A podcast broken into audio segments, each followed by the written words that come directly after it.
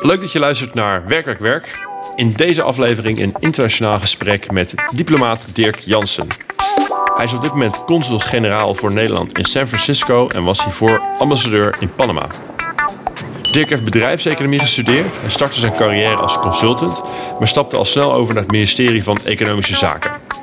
Daar heeft hij 15 jaar lang gewerkt in allerlei verschillende functies voordat hij een overstap maakte naar de diplomatie. In het gesprek gaan we daar uiteraard dieper op in.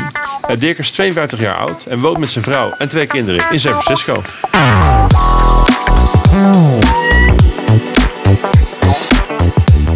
Ik was wel benieuwd om eerst eens even een heel klein beetje uit te zoomen van, van waar je nu staat. Wat, wat was eigenlijk jouw eh, allereerste baantje wat je ooit hebt gedaan waarvoor je betaald hebt gekregen? Mijn allereerste baantje, oh, dat was nog uh, dat is lang Ja. geleden. Toen was ik 16 jaar. En eh, toen werkte ik een zomer lang op het strand van Scheveningen, waar ik vandaan kom. Om- In een strandtent in de, in de bediening. En dat was een fantastisch Ja. eh, baantje waar ik heel veel, eh, heel veel verdiende. Vooral aan de fooien. Eh, dus er waren bijvoorbeeld. Ja. Het was een beetje een patsertent. waar de, de, de gasten het graag breed lieten hangen, zeg maar. En daar kreeg je behoorlijke fooien. Dus dat was hartstikke leuk. Daar heb ik nog een mooie brommer van kunnen kopen. Ja. Mooie, mooie start van jouw, eh, jouw carrière. En nu, Zeker. heel wat jaartjes later, eh, woon je in Amerika eh, voor Nederland. Ja. Wat, is nu, om even een beeld te vormen, hoe, hoe ziet jouw Nederland-Amerika woonsituatie eruit? Ben je gewoon permanent daar of kom je steeds heen en weer? Nee, ik, ik woon hier in San Francisco. En voor een periode van vier jaar. En dan, dan trekken we weer verder. Of terug naar Nederland of naar, naar een ander land. Dus ik zit echt hier. Ja, en, en als je nu, je woont natuurlijk dan nu een paar jaar in, in, Amerika. Dus benieuwd, ehm, eh, laat dat op jou dan ook een soort sporen achter? Dus is, is, is de Dirk van nu eh, iets anders dan de Dirk die drie jaar geleden in Amerika aankwam? Eh, ja, dat denk ik wel. Je verandert natuurlijk voortdurend aan de hand van de ervaringen waar je ook bent. Eh, maar zeker ook hier. Nee, wat ik merk bijvoorbeeld is dat je ook wel... wij zitten hier voor de economie. Dus wij doen heel veel eh, met start-ups en venture capital bedrijven. En er is een bepaalde dynamiek hier. eh, die wel besmettelijk is. Aanstekelijk, kan ik beter zeggen. Dus je merkt wel dat je daardoor, althans dat merk ik, eh, ik krijg daar wel energie van. Om heel veel om te gaan met, met start-up founders en met, met andere mensen uit dat ecosysteem hier, zoals ze dat noemen. En dat, ja, dat, dat, dat vind ik heel leuk. Je wordt er zelf ook als, als ambtenaar eh, wat ondernemender van. Ja. Je zei net, ehm, je zit er als diplomaat. Ja. Wat is voor jou dan de definitie van een diplomaat zijn? Ja, een diplomaat is vooral een verbinder, denk ik. Dus iemand die mensen eh, samenbrengt, eh, die tegenstellingen probeert te overbruggen. Eh, die zelf ook het zelf ook leuk vindt om met heel veel mensen te verbinden. En, en, en dan vervolgens die mensen weer met andere mensen te verbinden. Waar dat in het belang van, eh, van, van Nederland is, in mijn geval. Ja, dat vind ik heel erg leuk. Hè, dat je om de zoveel jaar weer op een nieuwe plek gaat richten. En, en daar weer alles van eh, probeert eh, te begrijpen en te weten. Eh, ja, en je ontmoet natuurlijk een hele hoop eh, interessante mensen in het werk. Eh, dat maakt het ook heel erg leuk. En wat ook wel echt typerend is voor diplomaat zijn, denk ik, althans in de meeste gevallen, is het is een heel generalistische functie.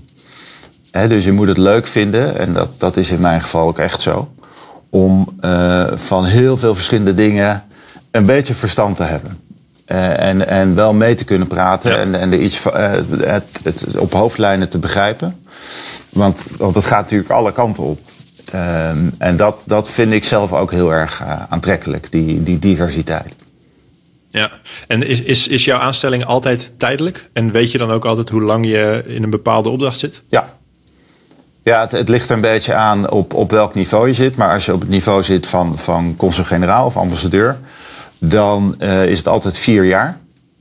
En, en alleen in zeer uitzonderlijke omstandigheden kan daar dan nog één jaar bij komen. Hè. Bijvoorbeeld als je een kind hebt dat nog één jaar op, op, school moet.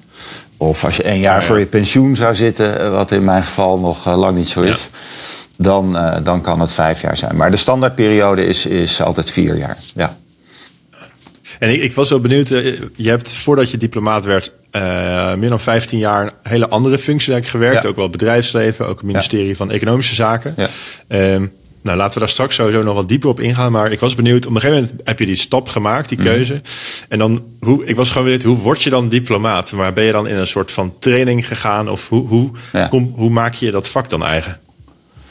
Nou ja, normaal gesproken treed je aan de voet binnen, zeg maar, en doe je het klasje en dan werk je omhoog uh, in, in, in, de, in de Wat is dat, het, het, klasje? Dat is een ja, soort, dat uh, is de, de opleiding voor, uh, voor jonge beleidsmedewerkers bij Buitenlandse Zaken. Waar elk jaar heel veel belangstelling voor is, en maar heel weinig plekken. Um, dus dat is de normale ingang. Maar dat is wel wat aan het veranderen. Ja. Um, het, het, streven is toch om de, de, diplomatie, om buitenlandse zaken wat meer, um, uh, wat opener te maken, zullen we maar zeggen. En ook mensen die wat, al wat verder zijn in hun loopbaan, de kans te geven om, om ja. diplomaat te worden. Um, in mijn geval is dat. Uh, ja, ik had al jarenlang eigenlijk de soort sluimerende ambitie om, om een keer naar het buitenland te gaan. Uh, om echt een keer in het buitenland te wonen en te werken en te leven. En op een gegeven moment hoorde ik dat er uh, een mogelijkheid was voor een, een, een ja, een, een, uitwisseling tussen de algemene bestuursdienst. Dat is zeg maar de, de, ja, de directeuren en hoger niveau van uh, alle ministeries. Uh, uh, en ik werkte bij het ministerie van Economische Zaken. Of bij de Autoriteit Consumenten en Markten. Een onderdeel van het ministerie van Economische Zaken. Ja. En ik kon me daar dus voor mijn vinger voor opsteken. En ik dacht, nou, laten we eens gaan praten. Wie weet is, dat, is dat wat. En dat bleek, ja, ik bleek het heel interessant te vinden wat ze mij vertelden. Um, um, en toen is er een heel lang proces geweest van een aantal maanden waarin allerlei uh, gesprekken werden gevoerd, uh, bij een psychologische test, naar allerlei tests en gesprekken. Ja. En uiteindelijk was de conclusie, nou, we willen je, we willen je wel hebben. Um, en dan ga je meedraaien in de ronde, zoals dat heet. Dus dat is het, zeg maar, de, de jaarlijkse banencarousel bij buitenlandse zaken. Het is natuurlijk een heel aparte organisatie eigenlijk, waar, waar elk jaar in de zomer ongeveer een kwart van de mensen van, van baan verwisselt, verandert tegelijkertijd. Dus dat is een enorm complexe uh, operatie. Um, Moet je dat echt zien als een soort draaischijf? Dat iedereen dan als een soort uitzendbureau bij wijze van spreken weer even terug naar binnen en dan weer naar een andere positie wordt uitge, uitgezet? Nee, het is een heel complex proces uh, waar, ik, uh, waar ik opeens onderdeel van, van uit ging maken. Uh, dus het is, ja, voor mij voelde het als een soort black box. En er zijn allerlei overleggen waarin bepaald wordt wie welke positie krijgt. En uh, ik zit daar niet aan tafel. Het is ook, uh, op, ja. als je eenmaal dat, dus maar het goedkeuringstempel hebt, dan in ieder geval in die tijd waren er ook niet echt verder sollicitatiegesprekken voor specifieke functies. Um, maar de uitkomst was uiteindelijk dat ze mij graag naar Panama wilden sturen als, als ambassadeur. En dat leek mij fantastisch. Uh, gelukkig zat uh, mijn, uh, mijn vrouw daar ook zo in. Die is geboren en getogen in Spanje, dus die, vleegt, die spreekt vloeiend Spaans, ja. houdt enorm van de tropen. Dus voor haar was het ook wel een mooie bestemming. Dus zo is het begonnen, zo is het gekomen. Ja. Hey, Cas hier. Superleuk dat je luistert naar Werk, Werk, Werk. Ik hoop dat je het wat vindt en dat je de show wilt supporten. Dat kun je doen met drie simpele stappen. Stap 1. Laat een review achter en geef Werk, Werk, Werk 5 sterren, zodat meer mensen de show kunnen vinden. Stap 2. Abonneer je op Werk, Werk, Werk door op volgen te klikken in je favoriete podcast-app. Stap 3. Schrijf je in voor de nieuwsbrief op werkwerkwerkpodcast.nl. Klaar? Luister dan lekker verder een gegeven moment ga je daar naartoe. Stel ik me voor, dan is een soort van eerste dag dat je aankomt in Panama. Uh, ja. ben je dan misschien wel vaker geweest. Maar dan ben je er voor het eerst echt als, als ambassadeur in dat geval. helemaal een, mm -hmm. ook best wel een zwaar ambt. Um, ik was gewoon benieuwd hoe jij dan zo'n dat eerste begin hebt meegemaakt. Met welk gevoel je dus, laten we zeggen, de eerste dag in Panama hebt beleefd. Ja, dat is natuurlijk bizar. Weet je, uh, uh, voor mij was het natuurlijk, ik was nog nooit in Panama geweest. Uh, ik was nog nooit diplomaat geweest. Uh, Precies. Ik sprak een beetje Spaans, maar ook niet uh, fantastisch. dus wij stapten het vliegtuig in. En je begint meteen met werken zo gauw je uitstapt. Dat is, zo werkt dat met ambassadeurs. Dus je, op een gegeven moment tijdens de vlucht, zeg maar een uur voor de landing of zo, moet je toch even omkleden. En een, en een pak aandoen en een das omdoen. Want als je aankomt, dan staat daar iemand klaar van het Panamese ministerie van Buitenlandse Zaken om je met alle egaars te, te ontvangen. En even een gesprekje te hebben. En, uh, dus dat is echt uh, heel bizar. Als je aankomt in een land waar je nog nooit geweest bent. In de wetenschap van ja, hier ga ik de komende vier jaar wonen en werken. En daar mag je ook meteen mee beginnen. Uh, ja, het was, het, was, het was heel vreemd. En vervolgens word je naar het huis gereden waar je dan gaat wonen. Uh, wat al volledig is ingericht. Wat natuurlijk ook, ook heel, heel apart is. Dus dat is wel even wennen. en sowieso, als je een, een, een, nieuw vak in een nieuw land, in een nieuwe cultuur, in een nieuwe taal. Het is allemaal heel ja. veel nieuw tegelijkertijd. Dus dat begin is dan natuurlijk ook best wel steile leercurve, best wel pittig. Zeker ook voor de, voor de familie, meer nog dan voor mij. Ja. Had jij dan je vrouw mee en ook, ja, kinderen? en onze twee zoons. Die waren toen, uh, even denken, acht en tien. Uh, uh, ja, en voor hen was het natuurlijk. Uh, Ook heftig, natuurlijk. Nog veel heftiger, ja. En die hadden altijd in Nederland gewoond. En wij hebben ze opeens van hun school gerukt en van hun vriendjes. En we gaan naar Panama verhuizen. Nou, daar hadden ze natuurlijk helemaal geen zin in. Ze hadden ook helemaal geen, geen idee van, ja, wat Panama, weet je, wat is dat Nee. dan? Eh, Ja, we daar. eh, ja, wat moeten we daar nou doen? Dus dat was best wel eh, een heftige ingreep voor die jongens. En, eh, en ze hebben het ook ja, in het begin, zeker de oudste, heeft het ook echt wel eh, moeilijk gehad met die, met die overstap. Die jongste was eigenlijk heel snel gewend. Die had meteen een, heel leuk Amerikaans vriendje waarmee die eh, alles, alles deed.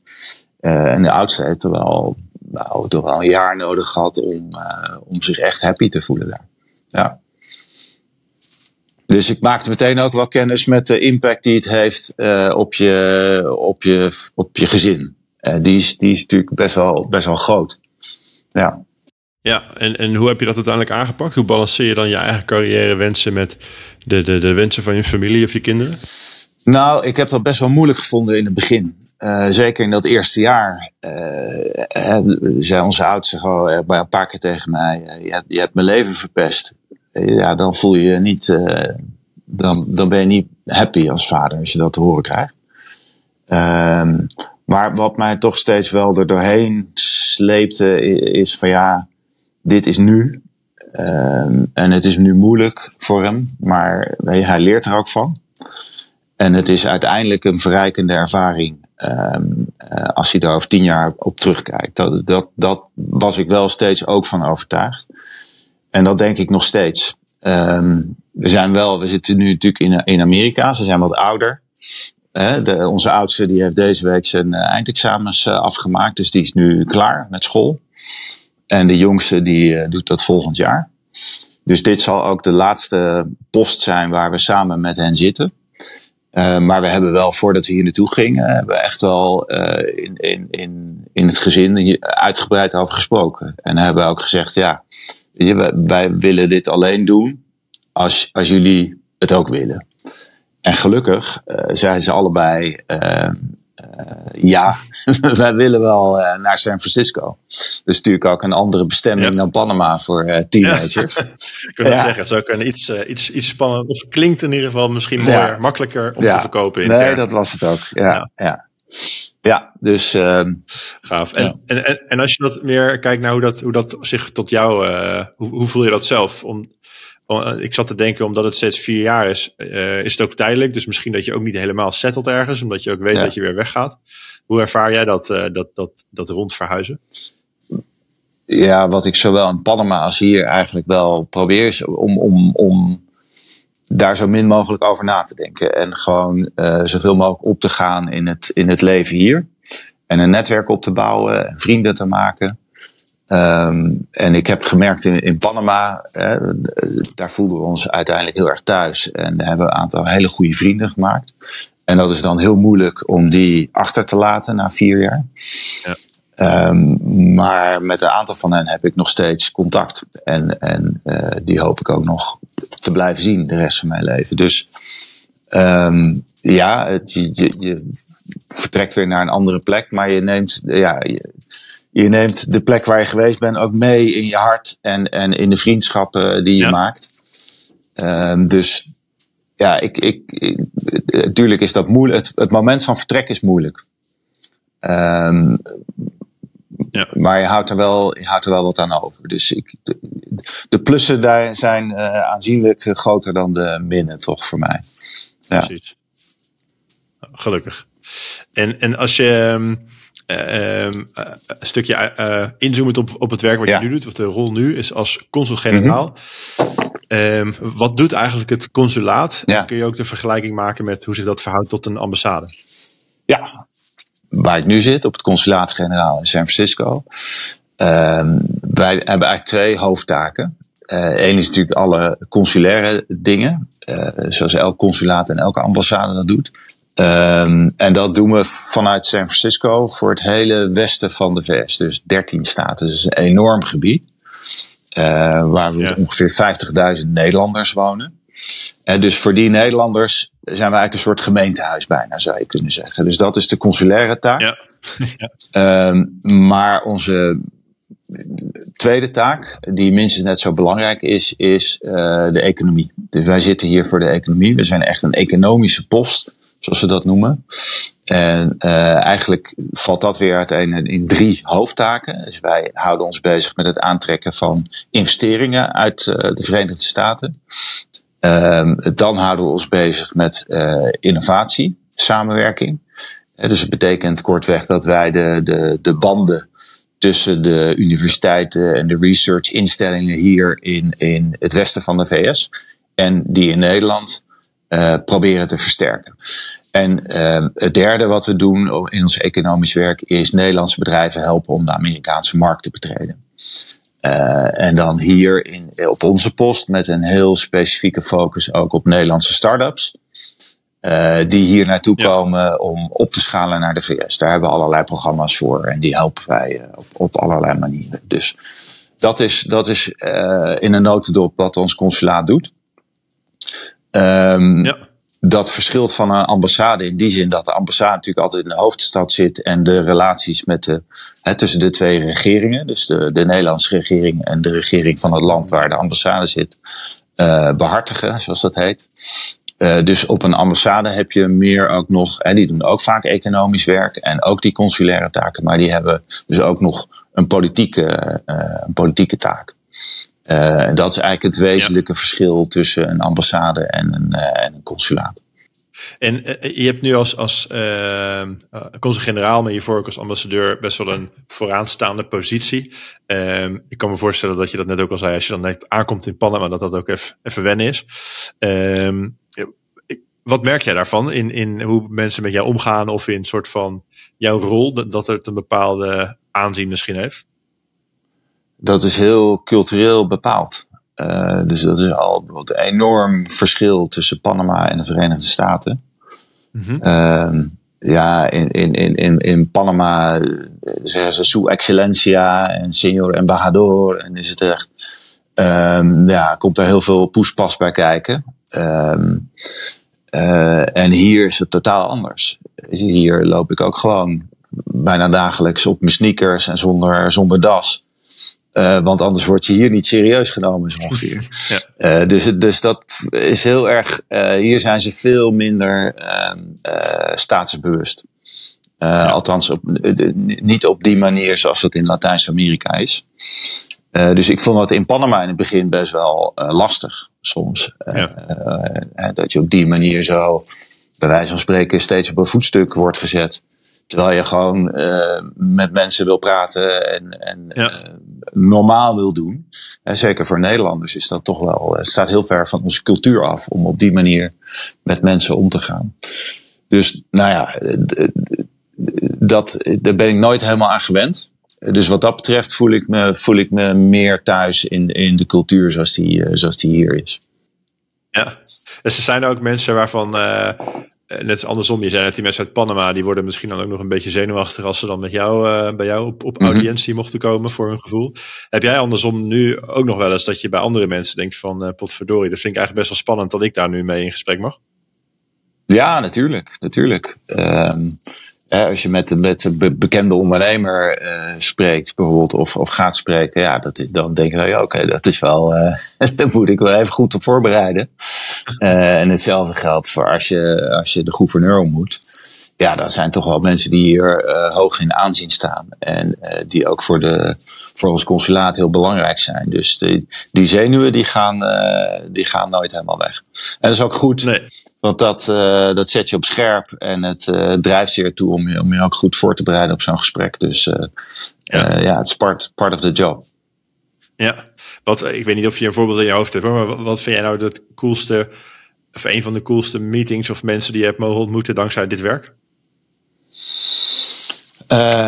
Oeh, dat is een goede vraag. Ehm, nou ja, best wel veel eigenlijk. Ehm, het eerste wat me nu te binnen schiet als je dit vraagt is onze koningin. Oh Die was hier in september uh, op bezoek, een aantal dagen. Uh, dus heb ik ja, een aantal dagen veel met haar opgetrokken. Oh ja, dan zie je er best veel ook. Ja. ja, dat is wel, daar was ik wel van onder de indruk van onze koningin. Ja, dat is echt wel een, uh, een professional die dat echt fantastisch deed. Uh, we hebben bijvoorbeeld Reinhard Oerlemans als honorair consul in LA. We hebben Hank Rogers als honorair consul in, in op Hawaii. Uh, hij is zeg maar de, de eigenaar van Tetris. Er is net een hele film over hem gemaakt door Apple TV, oh die ik iedereen kan, ja. uh, kan aanraden overigens. Uh, Prins Constantijn komt hier heel vaak, uh, of heel vaak geregeld over de vloer vanuit zijn uh, rol als ja. TechLeap envoy. Ehm, ja, dat is natuurlijk ook een, iemand die het fantastisch doet, vind ik. Ehm, dus nou ja, ik heb een hele waslijst, denk ik. Het zijn allemaal interessante mensen. In Panama vond ik het heel leuk om, om de president te leren kennen. Dat vond ik ook echt een bijzondere man. Uh, waar ik uh, op een gegeven moment ook echt een, een hele goede relatie mee heb opgebouwd. Dus dat is natuurlijk heel, heel bijzonder en, uh, en heel leuk. Hij, hij volgde mij op Twitter. Uh, en uh, op een gegeven moment uh, begon hij mij te laten weten wat hij van mijn tweetjes vond. En dat was het begin van een hele leuke relatie. altijd twittert in het, in het Spaans. Is dat ook omdat je dan die, die president van Panama te, een beetje te vriend was? Nou, om hem te bedienen. Nou, ja. Nee, dat is wel in Panama begonnen. Nee, ik heb, we hebben twee. er is een, een, een Twitter-account van het consulaat, die is natuurlijk in het Engels. die gaat vooral over ons werk. En ik ben in Panama begonnen met tweeten in het Spaans uh, omdat ik, uh, ja, uh, social media zijn gewoon een heel handig diplomatiek instrument. Dus ik heb het in Panama vooral gebruikt om, om te, te tweeten over de dingen die ik zelf interessant en, en leuk vind aan Nederland. we hadden daar heel veel over fietsen. En dat sloeg heel erg aan daar. Dus het is een, een beetje uit de hand gelopen, ook qua, qua aantallen volgers. En op een gegeven moment werd ik gekozen tot Twitteraar van het jaar in Panama. Oh ja. En uh, vervolgens uh, kreeg ik steeds meer Colombianen en Argentijnen en Mexicanen. Dus ik vond, toen ik wegging uit Panama, dacht ik van ja, ja ik zonde om nu uh, ja. daarmee te stoppen. En het is ook wel een leuke manier om Spaans een beetje bij te houden. Zeker. Um, dus, dus ik ben dat blijven doen. Wel met minder frequentie dan voorheen. Maar ik doe toch nog wel een paar tweetjes per week in het Spaans. Ja. En uh, ja, dat is gewoon uh, een soort, uh, soort hobby. Ja. gaaf. Ik zat, ik zat er wel eventjes in de voorbereiding te kijken. Maar je hebt inderdaad 140.000 volgers en iets van 21.000 ja. tweets. Dus je hebt, je hebt goed je best gedaan. Mooi. ja. Leuk.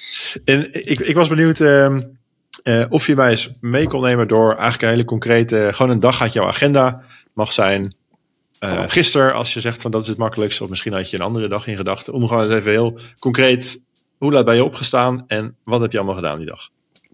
Ja, ja, je had mij in de, in de, in de voorbereiding gestuurd. Ja, de, de, gewoon een saaie dinsdag. Dus ik had ja. uh, maar een uitdraadje gemaakt van de, de dinsdag van deze week. en dat is ja. wel een redelijk standaard, standaard dag in, in een aantal opzichten. Nee, wij staan altijd, of in ieder geval ik sta altijd vroeg op hier. Uh, we hebben natuurlijk een groot tijdsverschil met Nederland. Ja. Uh, negen uur. dus dat betekent dat als ik hier pas om negen uur op kantoor zou komen, dat dan de werkdag in Nederland echt voorbij is. En dat is niet handig. Vaak zijn er dus ook calls al, al vroeg in de ochtend. vaak begint dat al om zeven uur. Maar even kijken, afgelopen dinsdag ehm, begon om acht uur, dus dat viel, dat viel alleszins mee. Um, ja, dat begon met een videocall met, uh, tussen ons eh, managementteam hier op, op het consulaat en de personeelsdirectie in, in Den Haag. Dat is eens in de zoveel tijd. Dan praten we even bij over allerlei onderwerpen op het gebied van, uh, van HR. Uh, over ziekteverzuim, over hoe het met de, met de mens gaat, over vacatures die er aankomen. Nou, dat soort dingen allemaal. Dat is een half uurtje. Dan hebben we om negen uur, uh, dat is eens in de twee weken, hebben we dat wat wij CG-overleg noemen. En dat is het uh, overleg tussen, en dat is natuurlijk ook online, tussen de ambassade in, in Washington en alle consuls-generaal. Dus daar zit de ambassadeur en we hebben vijf consulaten in, in de VS. Ja, dus in, in San Francisco, New York, Miami, Atlanta en Chicago. Dus dan zitten de consuls en de ambassadeur uh, in een call samen. Uh, vaak ook nog met een, een, aantal anderen daarbij. En dan praten we elkaar even bij. Simpelweg over de belangrijkste dingen die spelen op, uh, op ja. de verschillende posten. Um, vervolgens ben ik heel snel gaan lopen naar het, het stadhuis hier. want dinsdag was 9 mei, dat is de dag van Europa. Hmm. Um, en als er een nationale dag is, of in dit geval de dag van Europa, dan word je altijd uitgenodigd op het stadhuis hier in San Francisco voor een flag raising ceremony. Dus dan wordt de vlag. Heel erg Amerikaans. Hè, dat hebben we op Koningsdag eh, dan met de Nederlandse vlag uh, gedaan en op 9 mei met de Europese vlag. Dus dat is een hele mooie bijeenkomst in het prachtige met City alle Hall. andere Europese uh, consul-generaals ja. van andere landen. Ja, ja, ja, en ook wat, wat wel bijzonder is, is dat we hier in San Francisco sinds uh, afgelopen september ook een kantoor van de EU hebben. Dat is voor het eerst dat de Europese Unie een, een vertegenwoordiging heeft geopend in een niet-hoofdstad. Ja.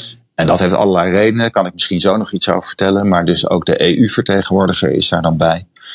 En dan, uh, dan hijsen we met z'n allen die, uh, die Europese vlag uh, op het stadhuis. En dan vervolgens is er nog een kleine receptie waar het hoofdprotocol van de stad een, een, een toespraakje heeft. En de EU-vertegenwoordiger een toespraakje heeft.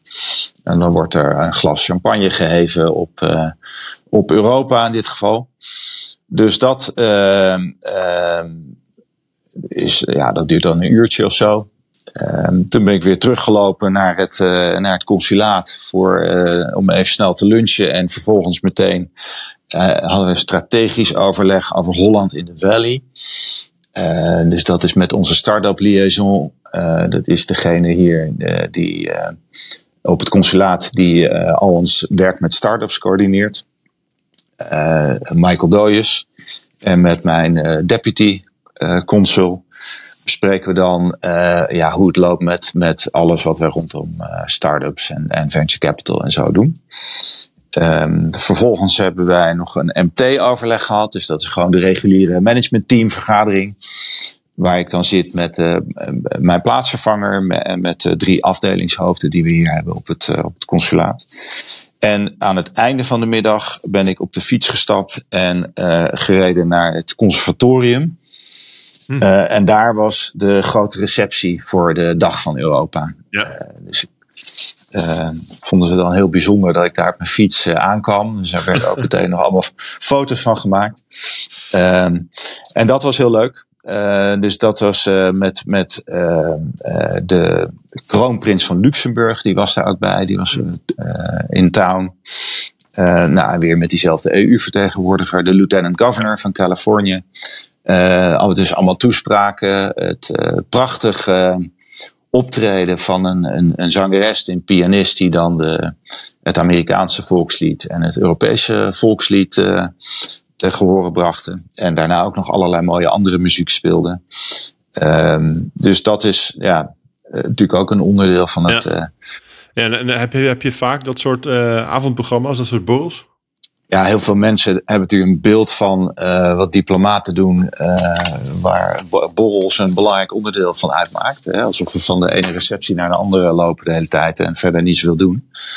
Uh, dat is natuurlijk niet zo. Ehm, maar ik denk dat ik gemiddeld twee, drie keer per week wel uh, een event heb, ook in de avond of aan het einde van de middag, waar, waar ik dan naartoe moet. En dat is, dat is ook gewoon werk.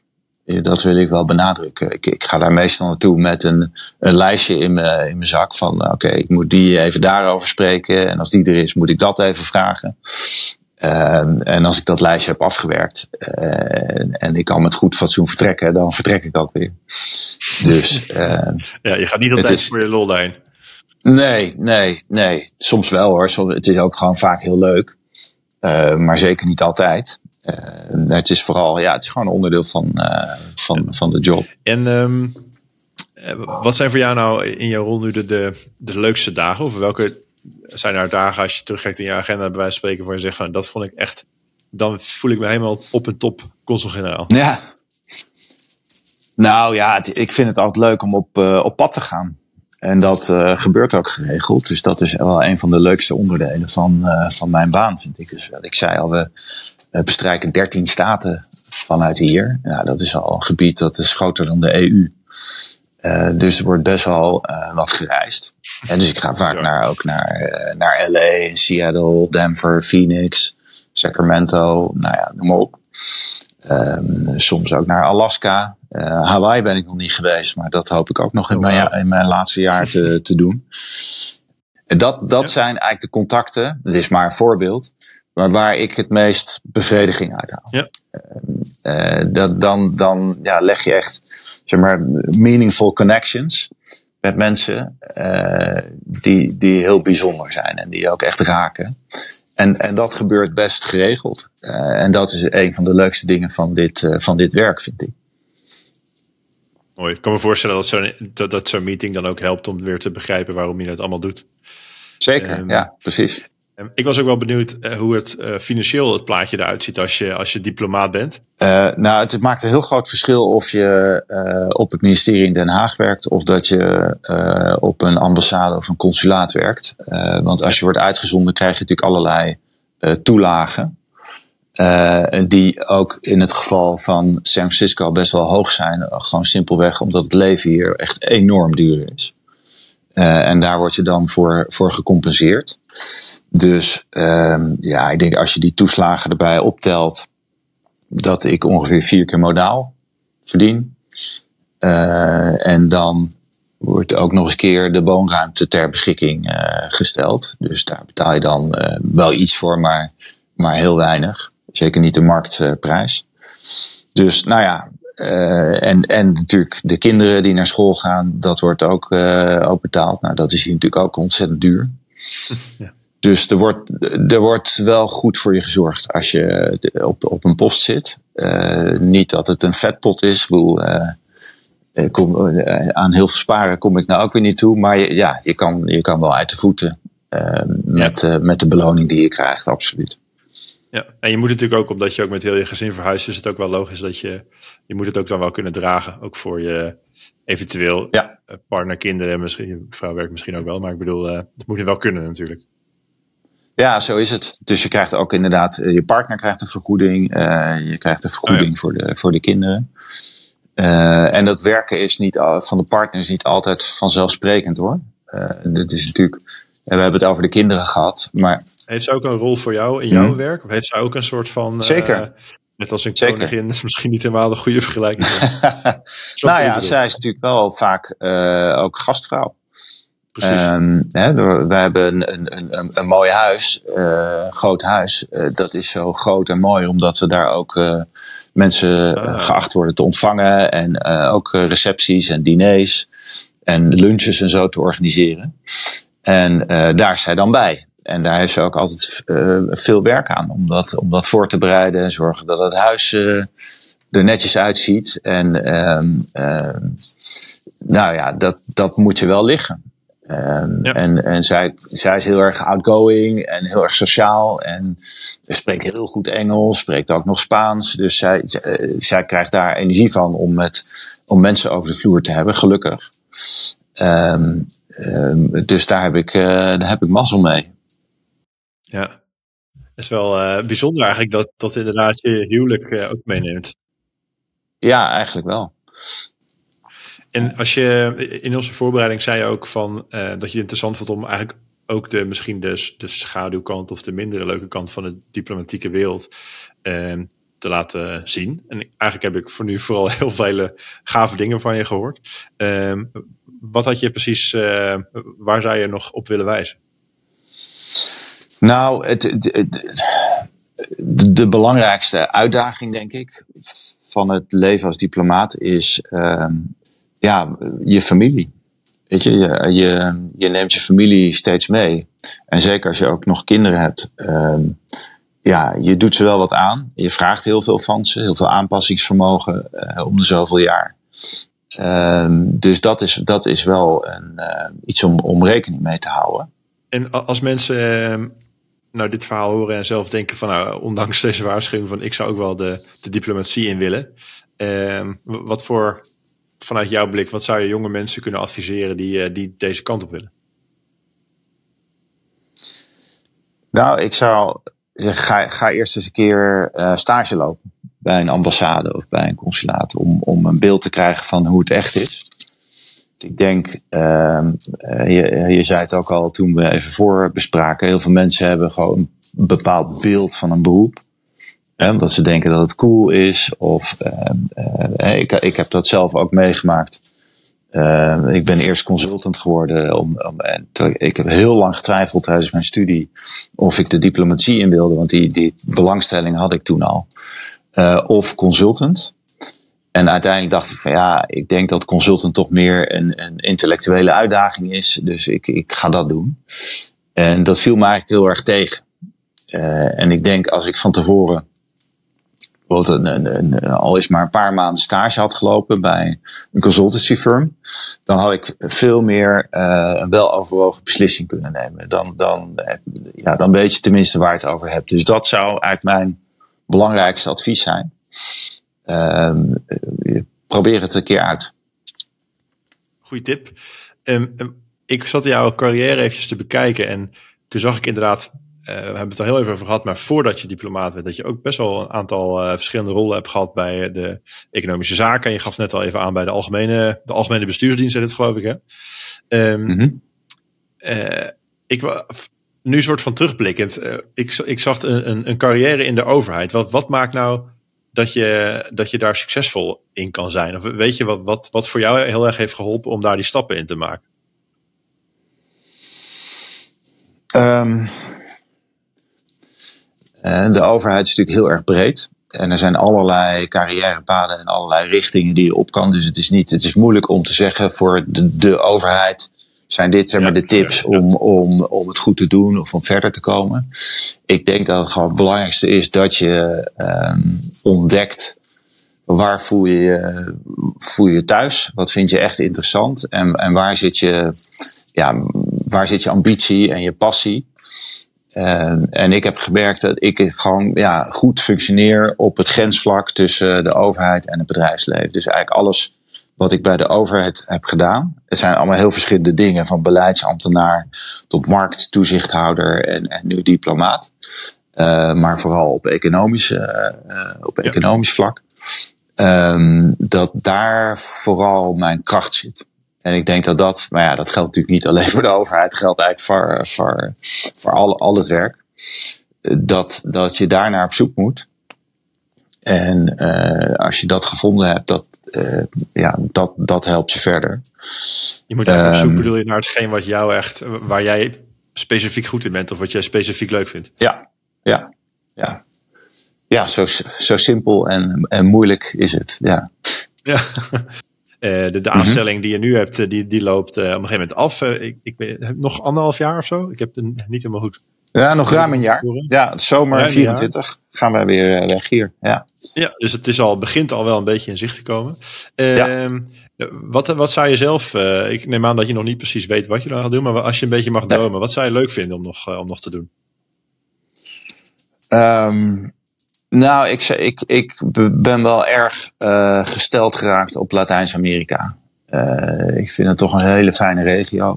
Uh, ik vind de, de, de, warmte van de mensen, de, de taal, de muziek, de hele cultuur. Ik voel me daar in heel veel opzichten thuis. dus dat zou ik best leuk vinden om, om, om weer naar een Latijns-Amerikaans land te gaan.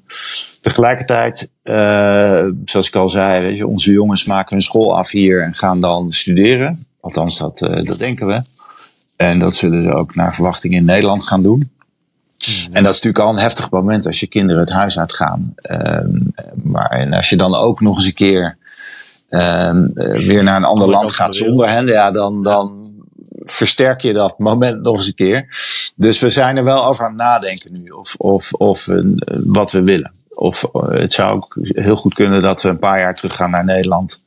Om ook uh, niet al te ver van, uh, van onze jongens uh, af te zitten. Dus dat, de, de, het denkproces is gaande op dit moment. Ja, maar we zijn er nog niet uit. Ik kan me voorstellen ja.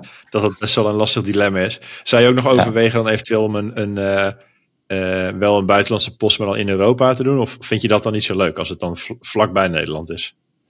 Ja, ik, heb al, ik ben toch meer van de wat avontuurlijker ja, ja, ik kan me voorstellen dat het een heel ander soort rol is. Dus toen ze ook mij vroegen, toen ik begon bij Buitenlandse Zaken, van ja, wat, waar denk je aan? Wat, waar, waar, waar zou je naartoe willen?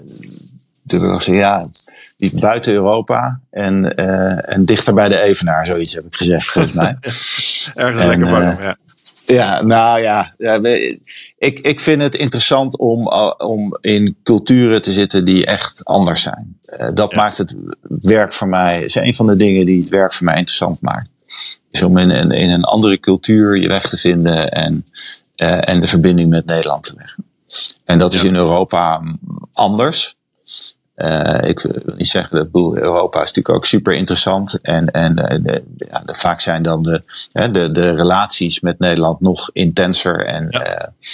uh, vaak ook nog belangrijker voor het land zelf. Ja, maar er liggen hele andere dus accenten dat, natuurlijk op. Ja, het is, het is toch wel een accentverschil. En ik denk dat wat mij meer ligt, heb ik gemerkt, is, is toch om in een, in een cultuur te zitten die wat verder van de ons afstaat. Dat, dat vind ik leuk. Ja.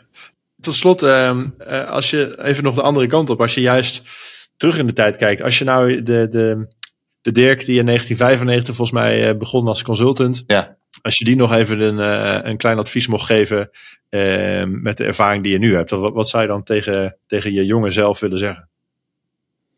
Misschien wel gewoon van durf. Durf gewoon. Durf. Dus te springen, durf stappen te zetten. Uh, en, en trek je niks aan van uh, wat je omgeving vindt. Uh, ik denk dat bijvoorbeeld die keuze om consultant te worden erg to toch gemaakt van ja, dat was wel een hele logische stap naar mijn studie bedrijfseconomie. ik had het gevoel, hè, dat was ook een beetje denk peer pressure van nou, dat is cool als je consultant wordt. Um, um, en ik heb ook toen, toen ik van toezichthouder diplomaat werd, zeiden heel veel mensen tegen mij van ja, hoe, hoe kan dat nou? En wat is dat voor een rare, uh, rare switch? Uh, uh, dat was natuurlijk voor heel veel mensen best wel een rare, rare overstap. Ehm, maar ontzettend verfrissend voor mij. Dus, dus wees ook niet bang om soms gewoon iets totaal anders te gaan doen. Heel mooi advies. Ik denk ook een hele mooie een, een mooie afsluiter van ons gesprek. Uh, ik wil je enorm bedanken voor je, je inzicht en het, het, delen van je verhaal, Dick. Ik vond het heel, heel erg leuk om je te spreken. Uh, als mensen jou nog iets willen vragen of je willen volgen, kunnen ze volgens mij op Twitter volgen. Ik zal de links even op de website zetten, werkwerkwerkpodcast.nl. En ook op LinkedIn ben jij goed uh, te vinden. Ja. Uh, ja, en vooral uh, hartstikke bedankt. En ik wens je ook heel veel succes uh, de komende tijd. Sowieso in San Francisco, maar ook met uh, de keuzes voor, voor de toekomst. Ja, heel veel dank Cas. Ik vond het hartstikke leuk. En ik hoop dat we jou hier ook nog eens een keer mogen begroeten. Bedankt voor het luisteren naar deze aflevering van Werk, Werk, Werk. De podcast over het werkende leven. Op de website werkwerkwerkpodcast.nl vind je een samenvatting en links naar bronnen uit dit gesprek. Ook kun je je daar aanmelden voor de nieuwsbrief, zodat je nooit een aflevering hoeft te missen. Daarnaast hoor ik heel graag wat je van deze aflevering vindt en wie ik nog meer zou moeten spreken. Laat het me weten in een review in je favoriete podcast-app of stuur een berichtje via de website werkwerkwerkpodcast.nl. Dankjewel.